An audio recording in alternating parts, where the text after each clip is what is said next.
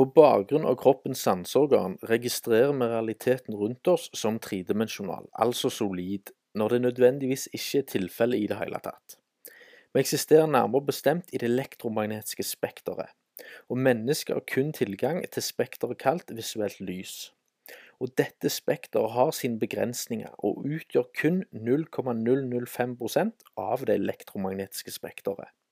Og det er dette snevet av visuelt lys som vi baserer vår materialistiske verden rundt. Og Et godt eksempel er Wifi, altså trådløst internett. Det opererer i spekteret kalt mikrobølger. Det er usynlig for oss mennesker som kun opererer i spekter visuelt lys.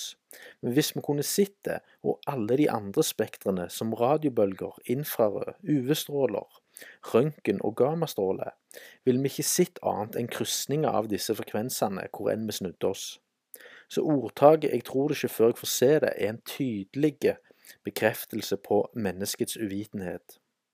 Og Et annet eksempel vil være hvor kommer våre tanker og personlighet ifra? Dette er et vitenskapelig mysterium, siden vitenskapsmiljøet og dens forskere ikke finner den konkrete delen av hjernen hvor denne koblinga fysisk har sitt opphav. Og en analogi til dette vil være at dersom jeg har den oppfatning av at stemmen i en radio kommer innifra, i selve radioen, så vil jeg jo aldri finne personen med stemmen inni radioen fysisk. For radioverten i dette tilfellet befinner seg jo en helt annen plass, som alle vet. Så med andre ord, hjernen den er en receiver som faktisk mottar og påvirkes av elektromagnetiske frekvenser.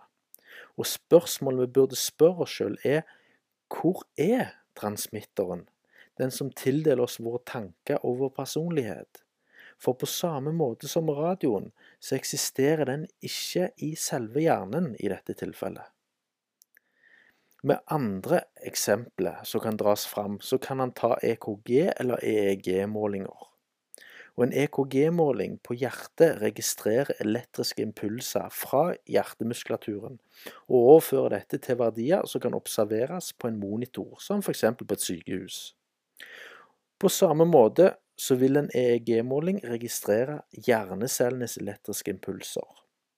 Og det er vår elektriske sammensetning som legger til rette for at målingene i det hele tatt kan forekomme som òg gir en forklaring på mysteriet om hvorfor håret på kroppen reiser seg, og hvorfor ballongen henger seg fast når den knikkes mot kroppens hår. Kroppen er altså et elektrisk system, og er ikke kun utgjort av kjøtt og bein med kjemiske forbindelser. Dette er en for lengst utdaterte teori.